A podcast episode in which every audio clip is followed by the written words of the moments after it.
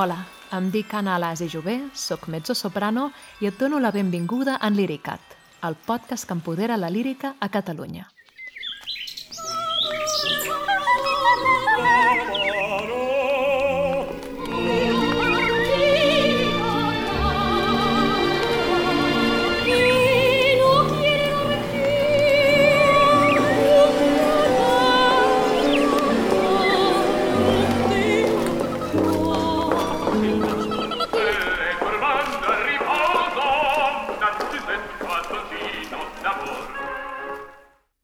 Si formes part de la comunitat lírica a Catalunya i et preguntes què és això d'empoderar-se, has aterrat al podcast que t'acompanyarà a reflexionar-hi. És important que sàpigues que no fa tants anys la comunitat lírica catalana va estar molt empoderada. Per això, al final de l'episodi et presentaré un talent líric format a Catalunya que va destacar internacionalment al segle XX. I perquè vegis que no és cosa del passat, també et parlaré d'un o una altra artista lírica local que avui en dia està llaurant una sòlida carrera internacional. Tampoc faltarà la petita secció Intermezzo, avui a càrrec de la mestra, guia i emprenedora Sònia Martínez Tortajada. Deus estar pensant que tinc els ovaris quadrats si crec que puc explicar com fer carrera en un episodi de mitja hora. Bé, et confirmo que sí, que els tinc quadrats, però no tant. Avui només et deixaré unes pinzellades que repassin per sobre una certa estructura comuna que poden tenir els diversos camins i vies que hi ha per fer carrera. I si vols que hi aprofundeixi, escriu-me i dedico alguns episodis específics. El que és indiscutible és que cada artista acaba fent el camí de la seva carrera de manera individual i intransferible, fins i tot quan es proposa seguir els passos d'un altre artista que admiri molt. Si parles amb artistes consagrats de la generació anterior, molts afirmen que el mercat musical ha pres una deriva que a poc a poc els va quedant llunyana. Algun fins i tot opta per retirar-se o passar a segon pla, més per aquest motiu que no pas per no sentir-se en forma. Considero que la meva generació ha vist aquesta transformació des de primera fila i ens ha enxampat amb un peu a l'antic model i un peu al següent, cosa que ens generarà per sempre una especial incomoditat davant de com funciona avui en dia el mercat líric. Molts de nosaltres ens sentim una mica en terreny pantanós i estem bastant convençuts que se'ns nota d'una hora lluny. Però qui sap, potser en el futur, quan ja haguem mort i no haguem de pagar cap lloguer, se'ns considerarà uns professionals híbrids interessants. I precisament híbrid és com considero l'enfoc de les idees que t'exposaré avui, perquè en part són de com es feia carrera abans i en part de com s'ha de fer carrera avui dia. Queda't amb un concepte de base.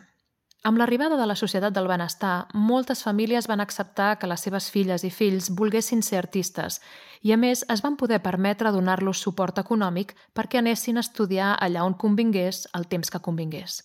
A més, a les nostres contrades hi ha molt bon material genètic per les veus líriques i liricollogeres i l'estat espanyol va decidir fundar conservatoris superiors a tort i a dret, però no pas orquestres i cors ben subvencionats i nous teatres d'òpera.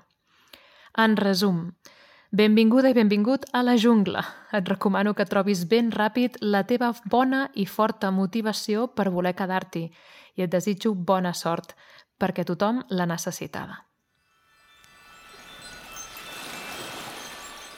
Comencem pel principi. Les classes de cant útils per una carrera lírica les podràs aprofitar a partir de l'adolescència. En el cas dels nois és obvi quan fan el canvi de veu. Si vols ser directora d'òpera, t'ajudarà a encadenar-te al piano i començar a empapar-te de títols. Pels cantants també és molt útil saber baixar les tecles. Intenta trobar temps. Mentrestant, t'estàs traient la secundària. Pot ser que estiguis en un institut que tingui conveni amb un conservatori o no.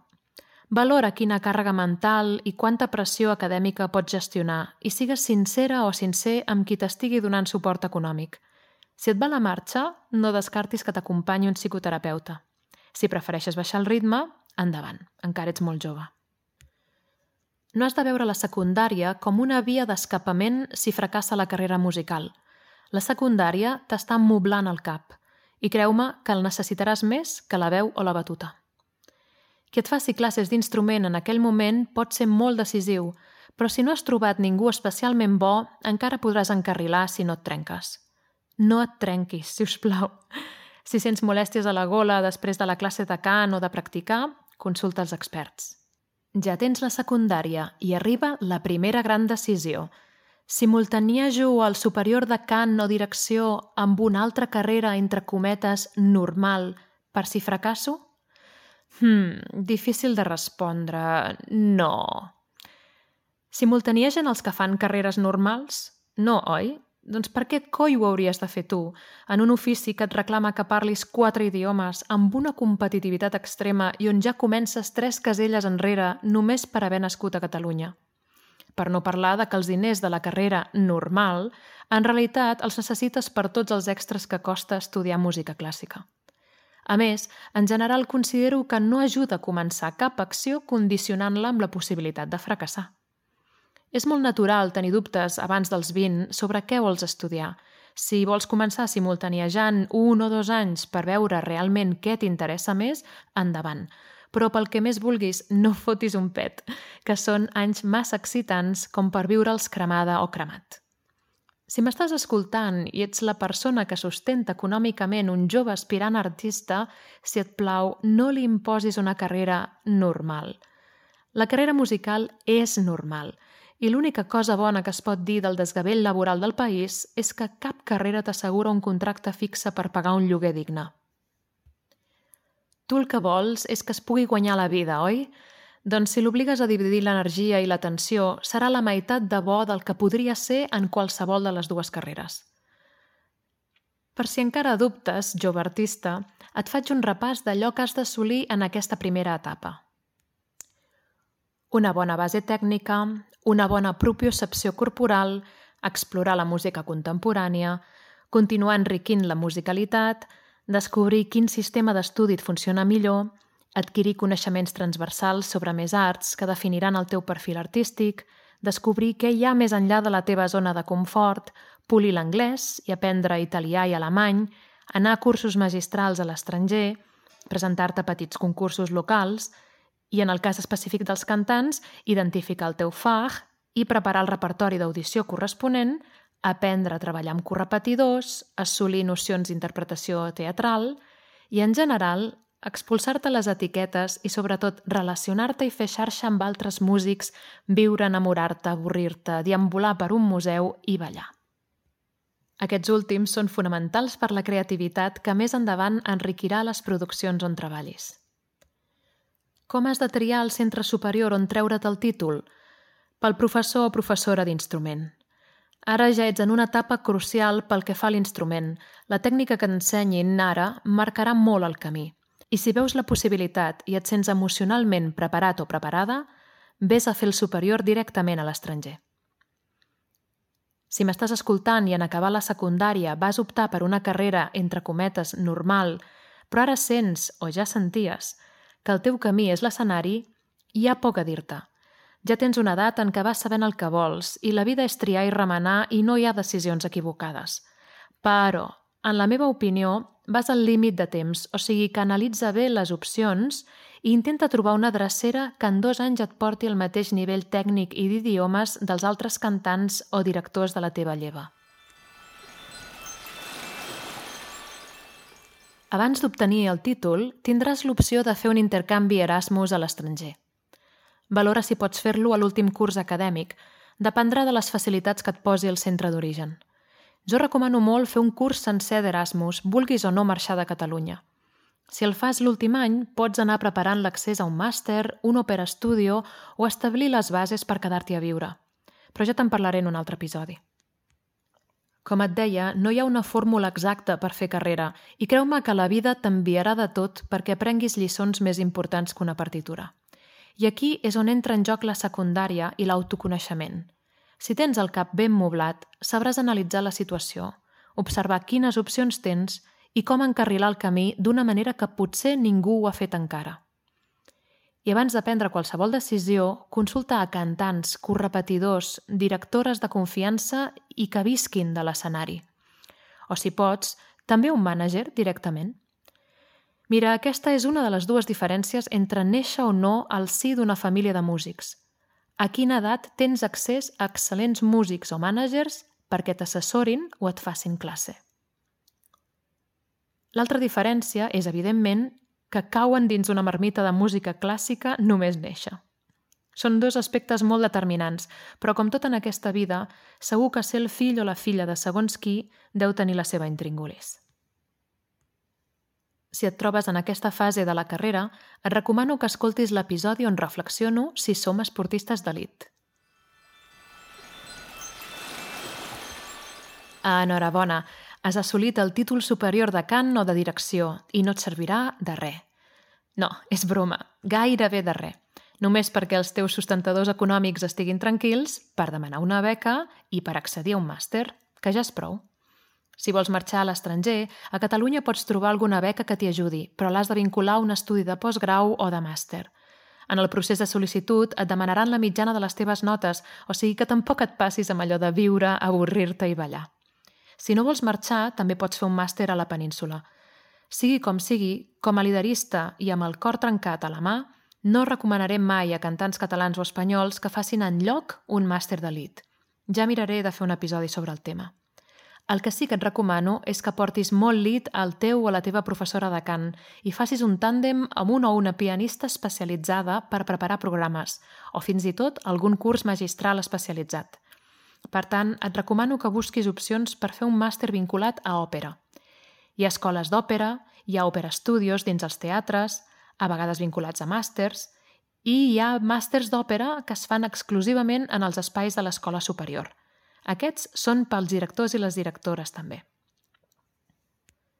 Hi ha fins i tot produccions d'estiu dedicades a veus joves, però no et recomano les que et fan pagar una ronyonada.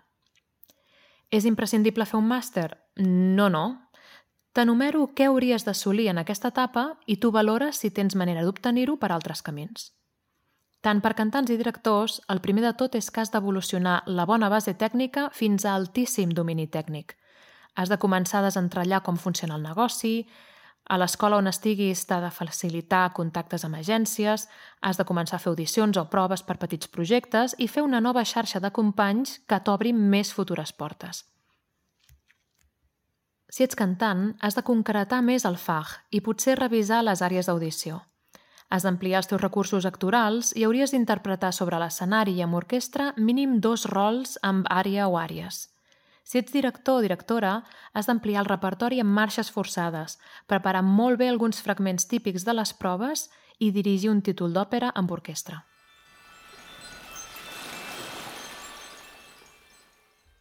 Com escollir el lloc pel màster? Tens dues opcions i la pilota és el teu terrat – o sents que encara has de millorar la tècnica i tornes a prioritzar la professora d'instrument, o bé saps empíricament que tens una tècnica solidíssima i que el que necessites són contactes laborals o de management que una certa escola o professor o professora poden facilitar-te. Si optes per fer un opera studio, en lloc de pagar, cobraràs tu cada mes. El número de rols pot duplicar-se, Faràs contacte amb directors musicals i d'escena que viuen de l'escenari i alguns mànagers et veuran en acció actuant. Alguns cantants al teu voltant tindran molt bon nivell tècnic i a més cantaràs, entre cometes, contra l'orquestra moltes hores, o sigui que podràs acabar de comprovar si la teva missió i columna d'aire estan ben construïdes. Ara, les classes de cant te les hauràs de buscar fora. Com triar l'Opera Studio? Més aviat et triarà ell a tu, perquè estan molt sol·licitats, però pots triar el teu camí guiant-te pel següent. Als teatres petits tens més possibilitats de fer rols importants perquè seràs el segon repartiment. I als teatres grossos tens més oportunitats d'aconseguir mànager i potser et cau algun rol destacat. Depèn de la sort i la conformació del seu ensemble estable.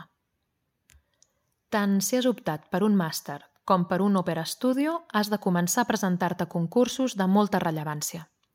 Jo sóc de l'opinió de que no és opcional.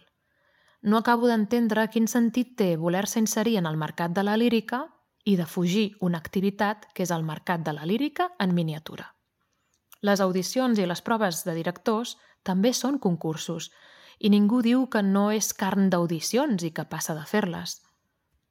I sí, hi ha persones que llueixen molt en l'entorn concurs i gairebé sempre arriben a les finals i hi ha qui passa per allà sense pena ni glòria.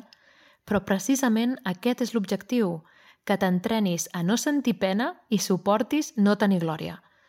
Als concursos es va desenvolupar taules, a provar repertori, a entrenar la ment i a jugar a la ruleta a veure quin dia et tocarà la sort. I, per descomptat, a aprendre com funcionen els concursos. Però això ho deixem per un altre episodi. Són, a més, pràcticament l'únic camí que queda per cridar l'atenció d'una agència. Doncs ja tens el paperet del màster, que tampoc et servirà de gairebé res, però que avui en dia reforça el currículum per feines fora de l'escenari. Si te l'has tret a l'estranger, no oblidis convalidar-lo a Espanya, perquè pot trigar dos anys. Per tant, permet-me que et doni el pèsam, ja no ets estudiant. En general, tots abandonem aquest estatus amb alegria, però el cert és que dona una certa estructura a la vida i vius en una bombolla més o menys càlida. En tot cas, Suposem que durant el màster o l'Opera Studio ja has guanyat un concurs, tens agència i uns quants títols emparaulats per les properes dues temporades. Però hi ha una cosa que em grinyola. Si haguessis aconseguit tot això, no series aquí escoltant aquest podcast perquè realment ja estaries molt empoderada. O sigui que siguem realistes. Ni concurs, ni agència, ni massa feina a la vista. El món s'acaba? Oh, no, no, ja t'agradaria. Ara comença el mambo. En aquesta etapa has de continuar madurant la veu i intentar fer els rols que millor t'encaixin, posant especial èmfasi en allò que hagis detectat que et fa destacar per sobre la resta de cantants del teu fag, sigui la facilitat per la coloratura, el color, el fiato, l'extensió vocal o les dots interpretatives. Si ets directora, el repte és més gros perquè necessites uns quants músics davant teu per practicar. Et toca contactar amb directors que t'acceptin com a assistent, que et deixin dirigir assajos o, amb sort, alguna funció. En totes dues disciplines, procura acceptar totes les feines que puguis per obrir contactes, provar títols, deixar-te sentir... Acostuma a ser una època en què no ens paguen massa bé. Però això fa que interessem els projectes de baix i mig cost. Per tant, van arribant ofertes. De passada, t'acostumes a preparar repertori ràpida i efectivament i adaptar-te a estils i èpoques diverses – però tingues sempre present que el cos i la ment tenen un límit. Ara és el moment de treure suc a la xarxa de contactes que hagis creat els últims 10 anys. M'agrada veure la comunitat lírica com un ecosistema que també forma part de la natura i la natura no deixa mai res sense lligar. El cercle es tanca en si mateix. Tot es recicla, tot forma part d'una cadena en què cada baula ajuda l'altra de manera directa o indirecta. Per això, penso que si som un ecosistema, el nostre rol natural és ajudar-nos els uns als altres. És natural que tendim a crear petits ecosistemes amb les persones amb qui més connectem, perquè la música és una activitat propera a les emocions. Jo, com tothom, tinc les meves limitacions i no sóc gens hàbil fent xarxa amb gent amb qui no m'uneix una certa connexió personal. Al final, conscient de que aquest negoci s'ha tornat més i més impersonal, m'he sentit impel·lida a crear la meva pròpia microesfera en què dono suport i cuido les meves companyes i companys des del cor i des de l'admiració, no des de l'estratègia. Els intercanvis directes de favors o les adulacions calculades pensant única i exclusivament en el propi benefici no m'encaixen. Sé que no tinc cap control ni puc canviar la inèrcia descarnada del negoci, però sí que puc decidir com em comporto jo per tenir l'ànima més càlida. I diria que el temps m'està donant la raó, perquè si tu utilitzes algú, li dones permís perquè t'utilitzi. I quan ja no li serveixis, s'oblidarà de tu.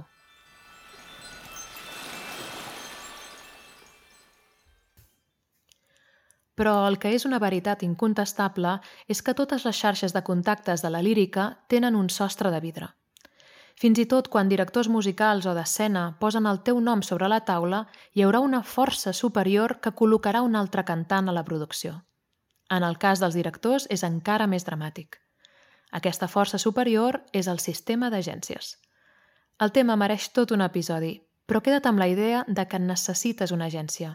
I a més, no una agència qualsevol, sinó un unicorn que aixequi el telèfon per trucar als teatres i et defensi amb ungles i dents.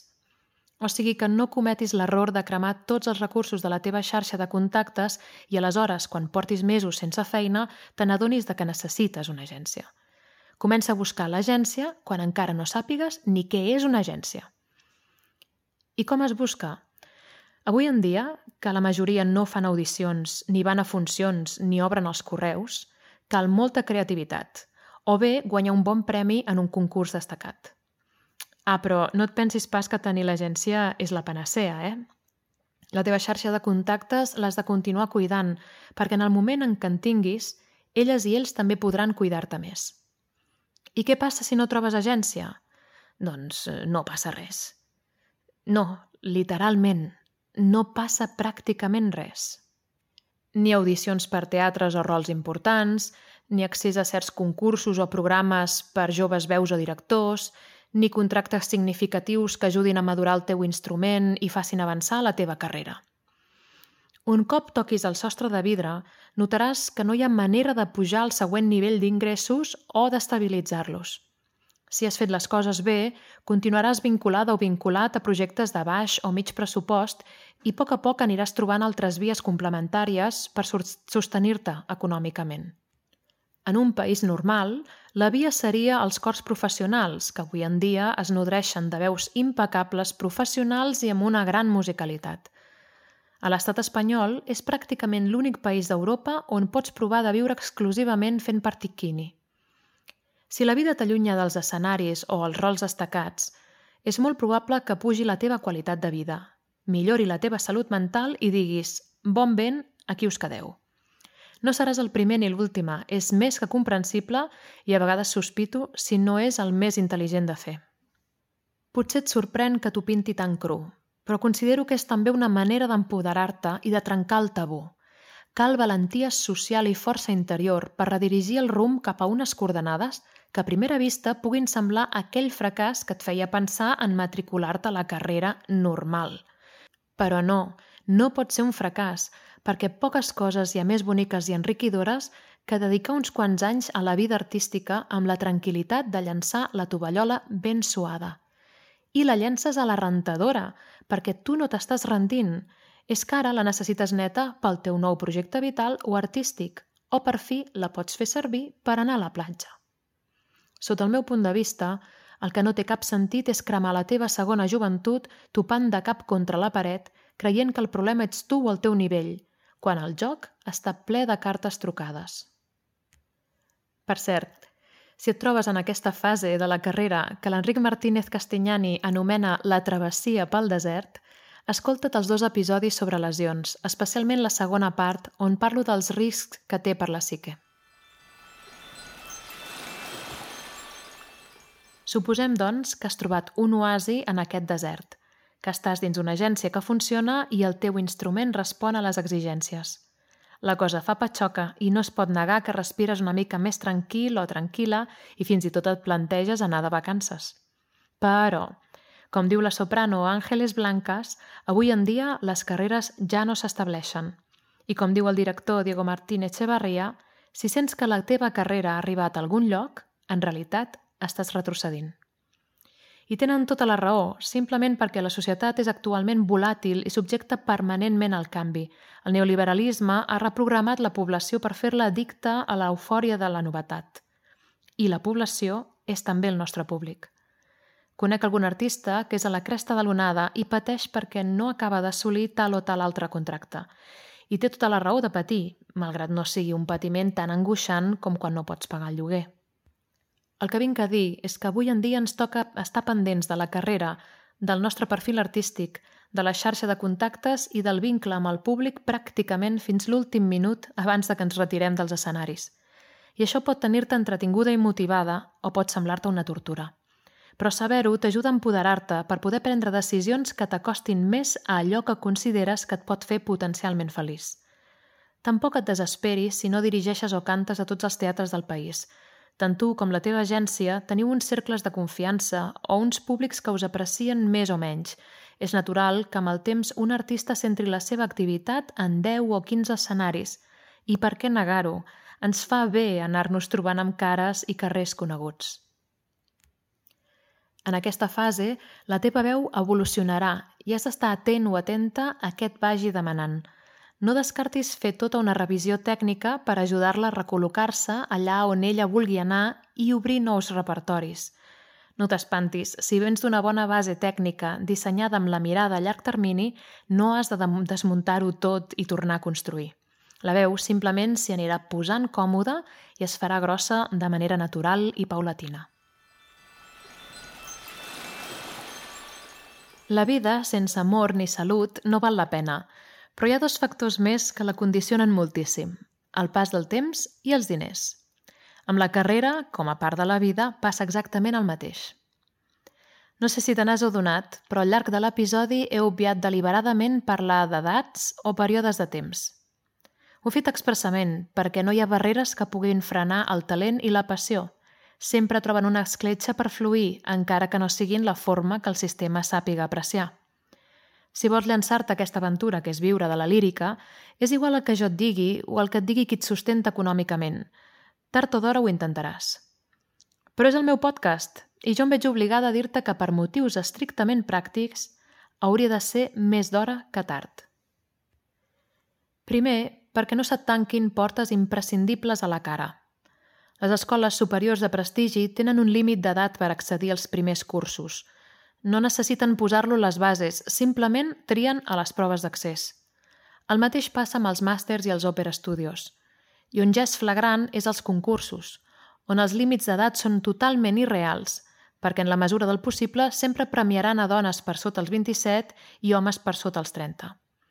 Els premiats s'han de poder inserir immediatament al mercat i són més fàcils de vendre si es juga la carta de la divinitat. És a dir, una criatureta que canta així perquè és un ésser sobrenatural, no perquè hagi tingut un excel·lent acompanyament artístic i s'hagi deixat la pell practicant. Si a més és dona, cal defugir l'edat en què es pugui plantejar quedar-se embarassada.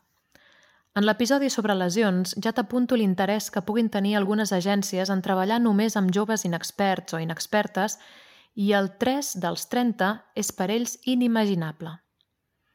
Estic en desacord amb els límits d'edat als concursos o les agències, però el que sí que és una realitat és la maleabilitat d'un cervell jove per absorbir conceptes i modificar la psicomotricitat i la disposició genètica d'un cos jove per sostenir hores i hores de pràctica, classes, viatges i poques hores de dormir.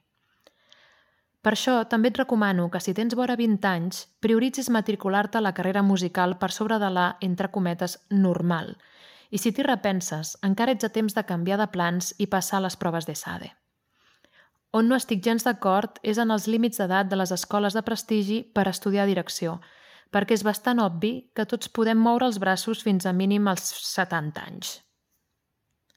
A més, estarem d'acord en que com més anys de pràctica musical hagis viscut, més pots dir als altres com han de tocar o cantar. Però clar, les escoles posen aquests límits d'edat pensant en els límits d'edat dels concursos i les agències. És un tauró que es mossega la cua. No cal que et digui que sóc de l'opinió de que un cantant o una directora, com qualsevol artista, millora amb l'edat, perquè l'experiència musical i vital enriqueixen les seves propostes, amb la maduresa troba la seva pròpia veu, filosòficament parlant. Desenvolupa una professionalitat que el fa ser una roca sota qualsevol eventualitat artística o personal, i en el cas dels cantants, no hi ha res pitjor que forçar que una veu arribi al seu zènit abans dels 35. Actualment hi ha un desajust dramàtic entre les opcions laborals i el millor moment artístic d'un cantant o una directora o director. Moltes veus o batutes formades a Catalunya cauen a la cuneta abans de que hagin pogut desenvolupar tot el seu potencial.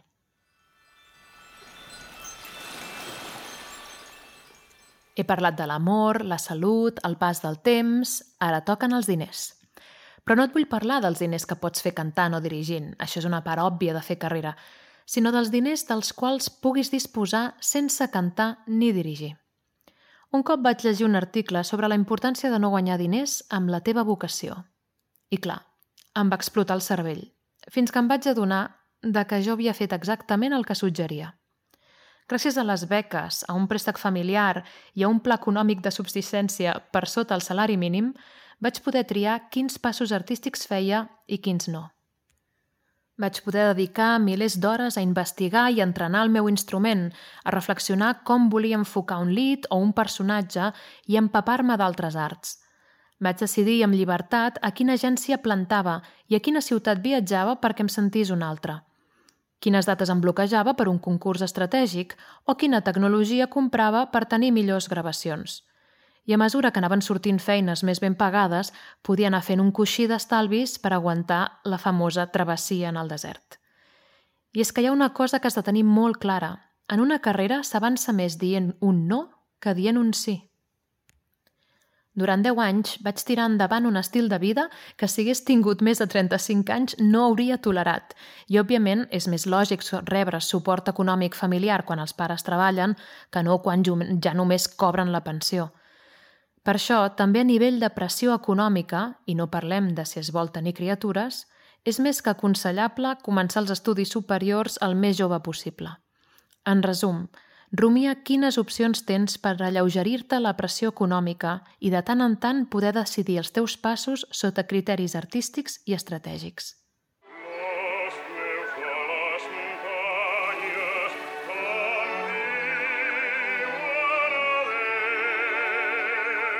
Ha arribat el moment de l'intermezzo d'avui i, com t'avançava, corre càrrec de la Sònia Martínez Tortajada.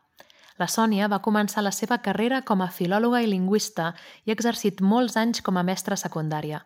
La seva passió per l'acompanyament en les diverses etapes de la vida la va dur a fundar el projecte Woman Soul Alma de Mujer, a través del qual guia dones, mares i noies adolescents. Li he demanat a la Sònia que et preparés una visualització per quan hagis d'afrontar una audició, una prova o una fase de concurs. Aquesta visualització està pensada perquè la puguis fer assegut o asseguda, estirada o estirat, o a peu dret, amb els ulls oberts o tancats. Dependrà de la situació i el moment en què et trobis. Com els estiraments que et recomanava l'episodi sobre ser un esportista d'elit, no serveixen si només els fas just abans de cantar. Amb les meditacions o visualitzacions passa el mateix. Convé provar-la primer assegut, asseguda o estirat o estirada i amb els ulls tancats, per després poder-la fer en qualsevol moment i lloc i en qualsevol tipus de condicions. Et deixo amb la Sònia i desitjo que les seves paraules et siguin de gran ajuda. Posa la teva atenció en la teva respiració, seguint-la mentre inspires i expires seguint-la mentre agafes aire pel nas i el treus per la boca. Et dius a tu mateix, a tu mateixa, sé que estic inspirant, expirant. Et dius a tu mateixa, a tu mateix, sé que estic expirant. Nota com l'aire entra pel teu nas, sent el recorregut que fa mentre entra i mentre surt novament. A mesura que vas respirant, el teu cos et va acompanyant. A mesura que vas respirant, el teu cos et va acompanyant i sense deixar de respirar normalment, centres l'atenció en les tensions que puguin existir ara mateix en el teu cos.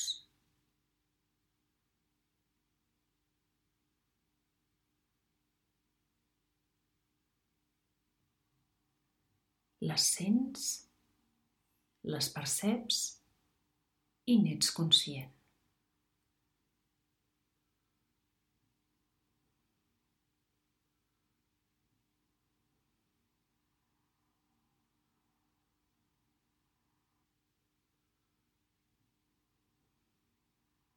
Agafes aire pel nas, envies aquesta respiració a cadascuna d'aquestes parts tenses i quan deixes anar l'aire ajudes a que es vagin relaxant, sempre posant la intenció en aquest propòsit.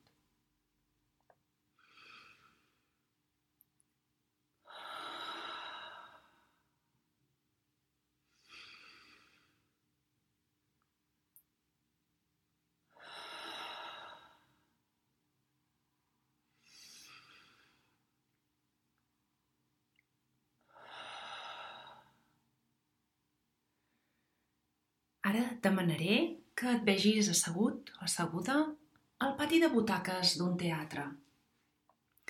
I a sobre l'escenari veus el teu jo vivint la situació que ara mateix vols treballar. T'observes des del pati de butaques. Et veus en la situació que has triat i veus també els diferents pensaments que surten de tu. Ho fan d'una manera molt visual perquè els pots veure. Surten de tu com si de bafarades escrites d'un còmic es tractés i vas llegint el que hi posa. Observa els teus pensaments. Aquests poden ser del tipus no me'n sortiré, els altres són millors que jo, no sóc suficientment bo o bona, no ho faré prou bé, etc. Simplement observa't i deixa't sentir.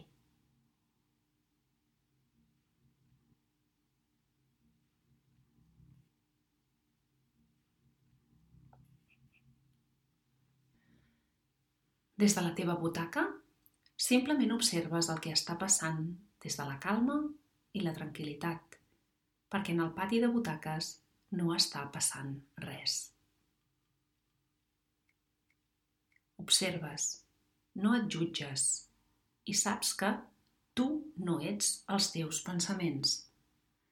Des de la certesa interna d'aquesta veritat, respires profundament tres vegades posant la teva atenció en com l'aire entra pel nas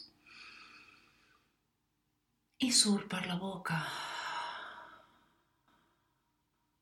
En com l'aire entra pel nas i surt per la boca. I novament com l'aire entra pel nas i surt per la boca.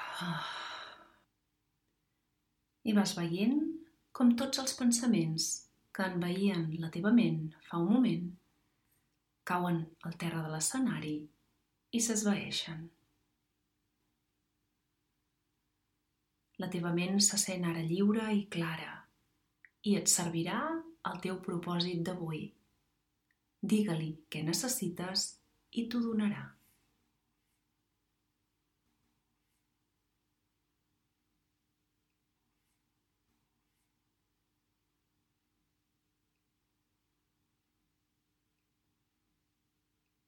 et segueixes observant i veus les emocions que ara mateix es troben més a flor de pell.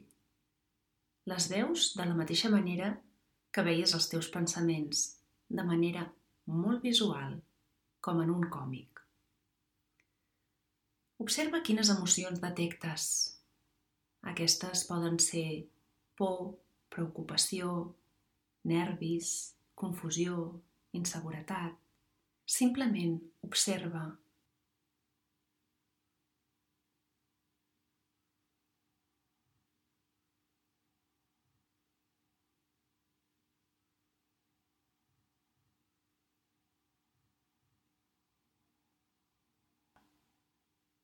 Observes, no jutges i saps que tu no ets les teves emocions. Des de la certesa interna d'aquesta veritat, Respires profundament tres vegades, posant la teva atenció en com l'aire entra pel nas i surt per la boca, en com l'aire entra pel nas i surt per la boca i novament com l'aire entra pel nas i surt per la boca i vas veient com totes les emocions que envaïen el teu cor fa un moment cauen al terra de l'escenari i s'esvaeixen. El teu cor se sent ara descarregat i a punt per connectar amb l'emoció clara i pura del que has vingut a fer.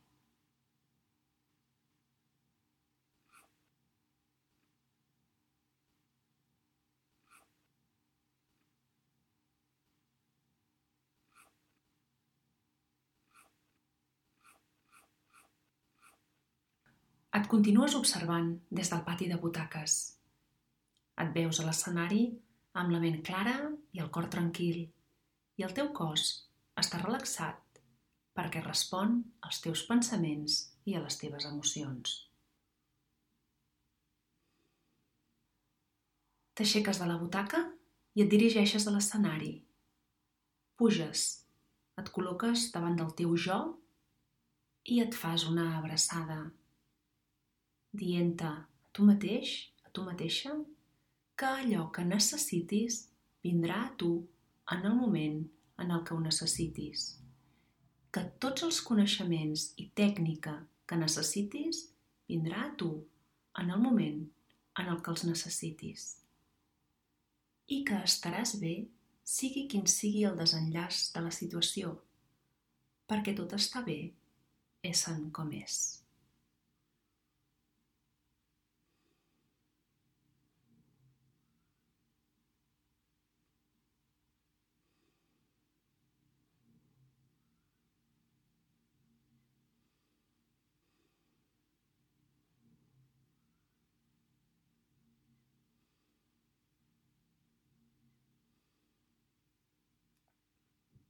Realitzes ara novament tres respiracions profundes, posant la teva atenció en com l'aire entra pel nas i surt per la boca,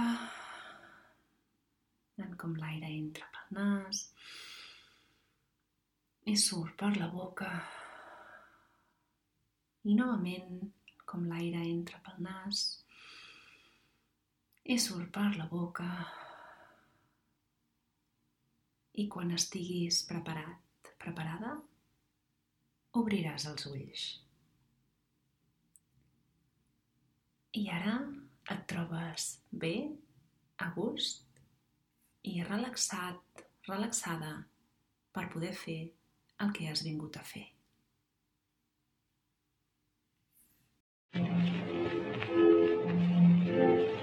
Di pescatore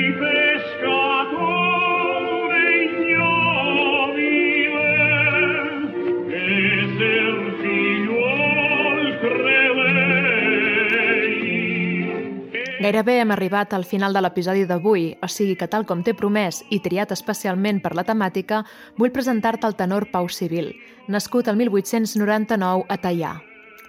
Malgrat des de petit va mostrar interès per la faràndula, la tradició familiar li va imposar estudiar peritatge mercantil. Com és d'esperar, Civil acostumava a desfogar-se cantant al vàter. A casa li exigien que es dediqués a una professió entre cometes seriosa, però cabra besada a saltar, salta i saltarà. Civil va arribar a gastar-se en entrades per l'òpera part dels diners destinats a lliurar del servei militar i, per tant, va acabar entre soldats. Allà, però, va agafar forces per afrontar-se a la família i llaurar una carrera com a cantant. Va començar la seva formació vocal al Conservatori del Liceu amb Camille Clerici. Amb 26 anys va debutar Rigoletto de Verdi al Casino de Masnou. Va començar a fer els primers passets lírics, fins que la sort el va dur a conèixer la soprano i pedagoga Mercè Capcir, de la qual et parlo en un altre episodi. Ella li va fer classes i se'l van dur de gira amb Lucia di Lammermoor de Donizetti. Allà Civil va decidir marxar a Milà a perfeccionar-se amb el tenor Giovanni Arrigotti i aviat va fer el seu debut a Itàlia. Va debutar a França al costat de la soprano Elvira de Hidalgo, de qui també t'he parlat. Civil no parava de recollir elogis i èxits i la premsa veneciana definia la seva veu d'una qualitat superba tant per bellesa de timbre i l'extensió del registre com per la seguretat en l'entonació. Finalment, als 36 anys, Civil va poder debutar al seu estimat Gran Teatre del Liceu amb La vida breve de Falla, on tornaria regularment i amb gran estima del públic. Els seus èxits als millors teatres italians i la petició de la seva esposa Pierina van aconseguir que el propi Mussolini li extengués una excepció al veto de treball que Itàlia va imposar als espanyols l'any 35. Amb 48 anys va debutar als Estats Units d'Amèrica en una exitosa gira. Civil va centrar el seu repertori en el bel canto, des de Puccini o Donizetti fins a Verdi, passant per Bizet o Massenet, però fins i tot el nacionalisme rus de Mussorgsky i Rimsky-Korsakov. També fa, va fer elogiades incursions a Wagner en italià i va demostrar una especial dedicació a les estrenes líriques de compositors catalans i espanyols. En deixar de cantar, va ser 10 anys director d'escena del Liceu, a més de fer-se càrrec de l'empresa d'espectacles Cariteu i l'any 1966 va ser nomenat professor de cant del Conservatori del Liceu. Civil va morir plàcidament a la seva llar barcelonina el 1987, deixant també un important llegat discogràfic. En el proper episodi et presentaré un altre nom destacat de la lírica que es va formar a Catalunya, però si frises per continuar descobrint-ne, et recomano que visitis el lloc web interpretscatalanshistorics.com, creat per l'associació Joan Manent.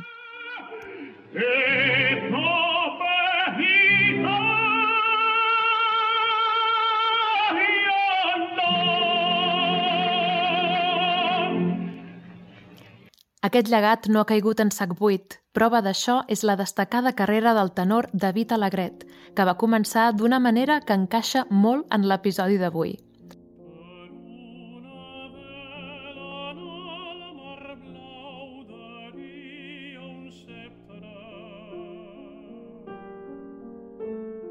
Nascut a Barcelona, en David va fer solfeig i flauta travessera com a passatemps, però es va centrar en treure's la carrera de medicina. Malgrat tot, la seva mare, mestra de música, el va animar a entrar a l'Orfeó català. El seu mestre, el contratenor Xavier Torra, li va suggerir que fes les proves del cor de cambra del Palau, on el van agafar, i el dilema laboral va ser servit. Al cap de poc, Kurt Wittmer el va recomanar per anar becat a la Music Academy de Basilea. En David, conscient de que si ho havia de fer aquell era el moment, va decidir provar-ho. I Catalunya va perdre un metge, però va guanyar una gran veu. En acabar els estudis, va guanyar la beca a la Caixa Gran Teatre del Liceu i també la Karajan Stipendium, que consistia en un contracte fixe de dos anys a l'Staatsoper de Viena, on, entre d'altres, va assajar les produccions estables de Rossini. El dia que Juan Diego Flores no va poder cantar la italiana en Algeri, van trucar al David al matí a Barcelona i al vespre ja era sobre l'escenari vienès amb balsa i furlanetto. També va cridar l'atenció del gran Alberto Zedda, que el va convidar al Festival Rossini de Pesaro. En David es va iniciar com a tenor líric lleuger en els principals rols mozartians i rossinians i, malgrat ja ha guanyat visos més lírics, no ha perdut la seva clara brillantor i extrema facilitat per la coloratura. En David ha interpretat també nombrosos oratoris i obres sinfòniques i la seva carrera l'ha dut a escenaris de París, Metz, Praga, Salzburg, Klagenfurt, a la Volksoper i el Konzerthaus de Viena, al Theater Angevin, l'Òpera Nacional de Helsinki, la Staatsoper de Múnich, la d'Hamburg, Klagenfurt, Teatre São Carlos, Òpera de Flandes, els teatres de Ravenna, Palermo, Catània i Roma, el Teatre de l'Òpera de Zúrich, la Monet, el Queen Elizabeth Hall, la Garsington Opera i, afortunadament, el Gran Teatre del Liceu, el Teatro Real i importants teatres i festivals de l'Estat. En David és, a més, un gran ambaixador de la cultura i la creació catalana, havent estrenat nombrosos títols i fent especial difusió de la cançó catalana de la qual és un enamorat i comunica des del cor. A més de veure'l en les seves nombroses gravacions audiovisuals, no perdis l'oportunitat d'enxampar-lo en algun escenari de Catalunya.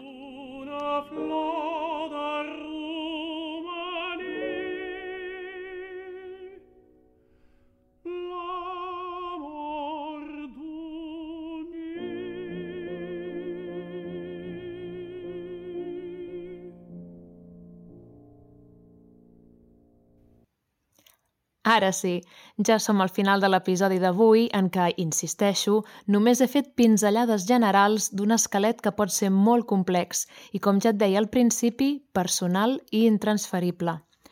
Des de la presa de contacte amb l'instrument fins als primers passos tècnics, les primeres experiències sobre l'escenari, la tria de mestres d'instrument o de les escoles, la caça d'un mànager, les decisions professionals que òbviament marcaran la vida personal o viceversa. Tots aquests aspectes contenen un munt de detalls que podem anar desentrellant al llarg de més episodis. Desitjo que avui t'hagin sortit dubtes o certeses, que investiguis alguna de les opcions que t'he posat sobre la taula, que et qüestionis si podrien ser per tu. I només amb aquest diàleg intern ja estaràs avançant en el teu camí únic cap als escenaris. A la pàgina web http enliri.cat trobaràs enllaços a tots els episodis d'en Liricat.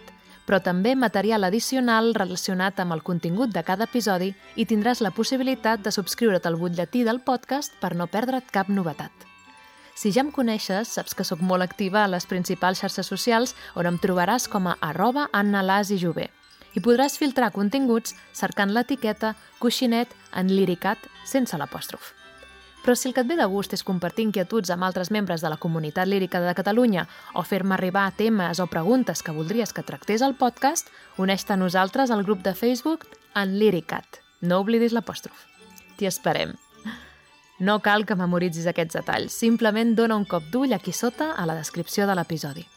Estic molt contenta d'haver-te pogut parlar d'aquest tema que m'apassiona i si t'ha semblat útil, no oblidis subscriure't al podcast i compartir-lo amb aquell o aquella col·lega de l'ànima o melòman a qui creus que pot interessar. Ens veiem pels escenaris i ens sentim al proper capítol.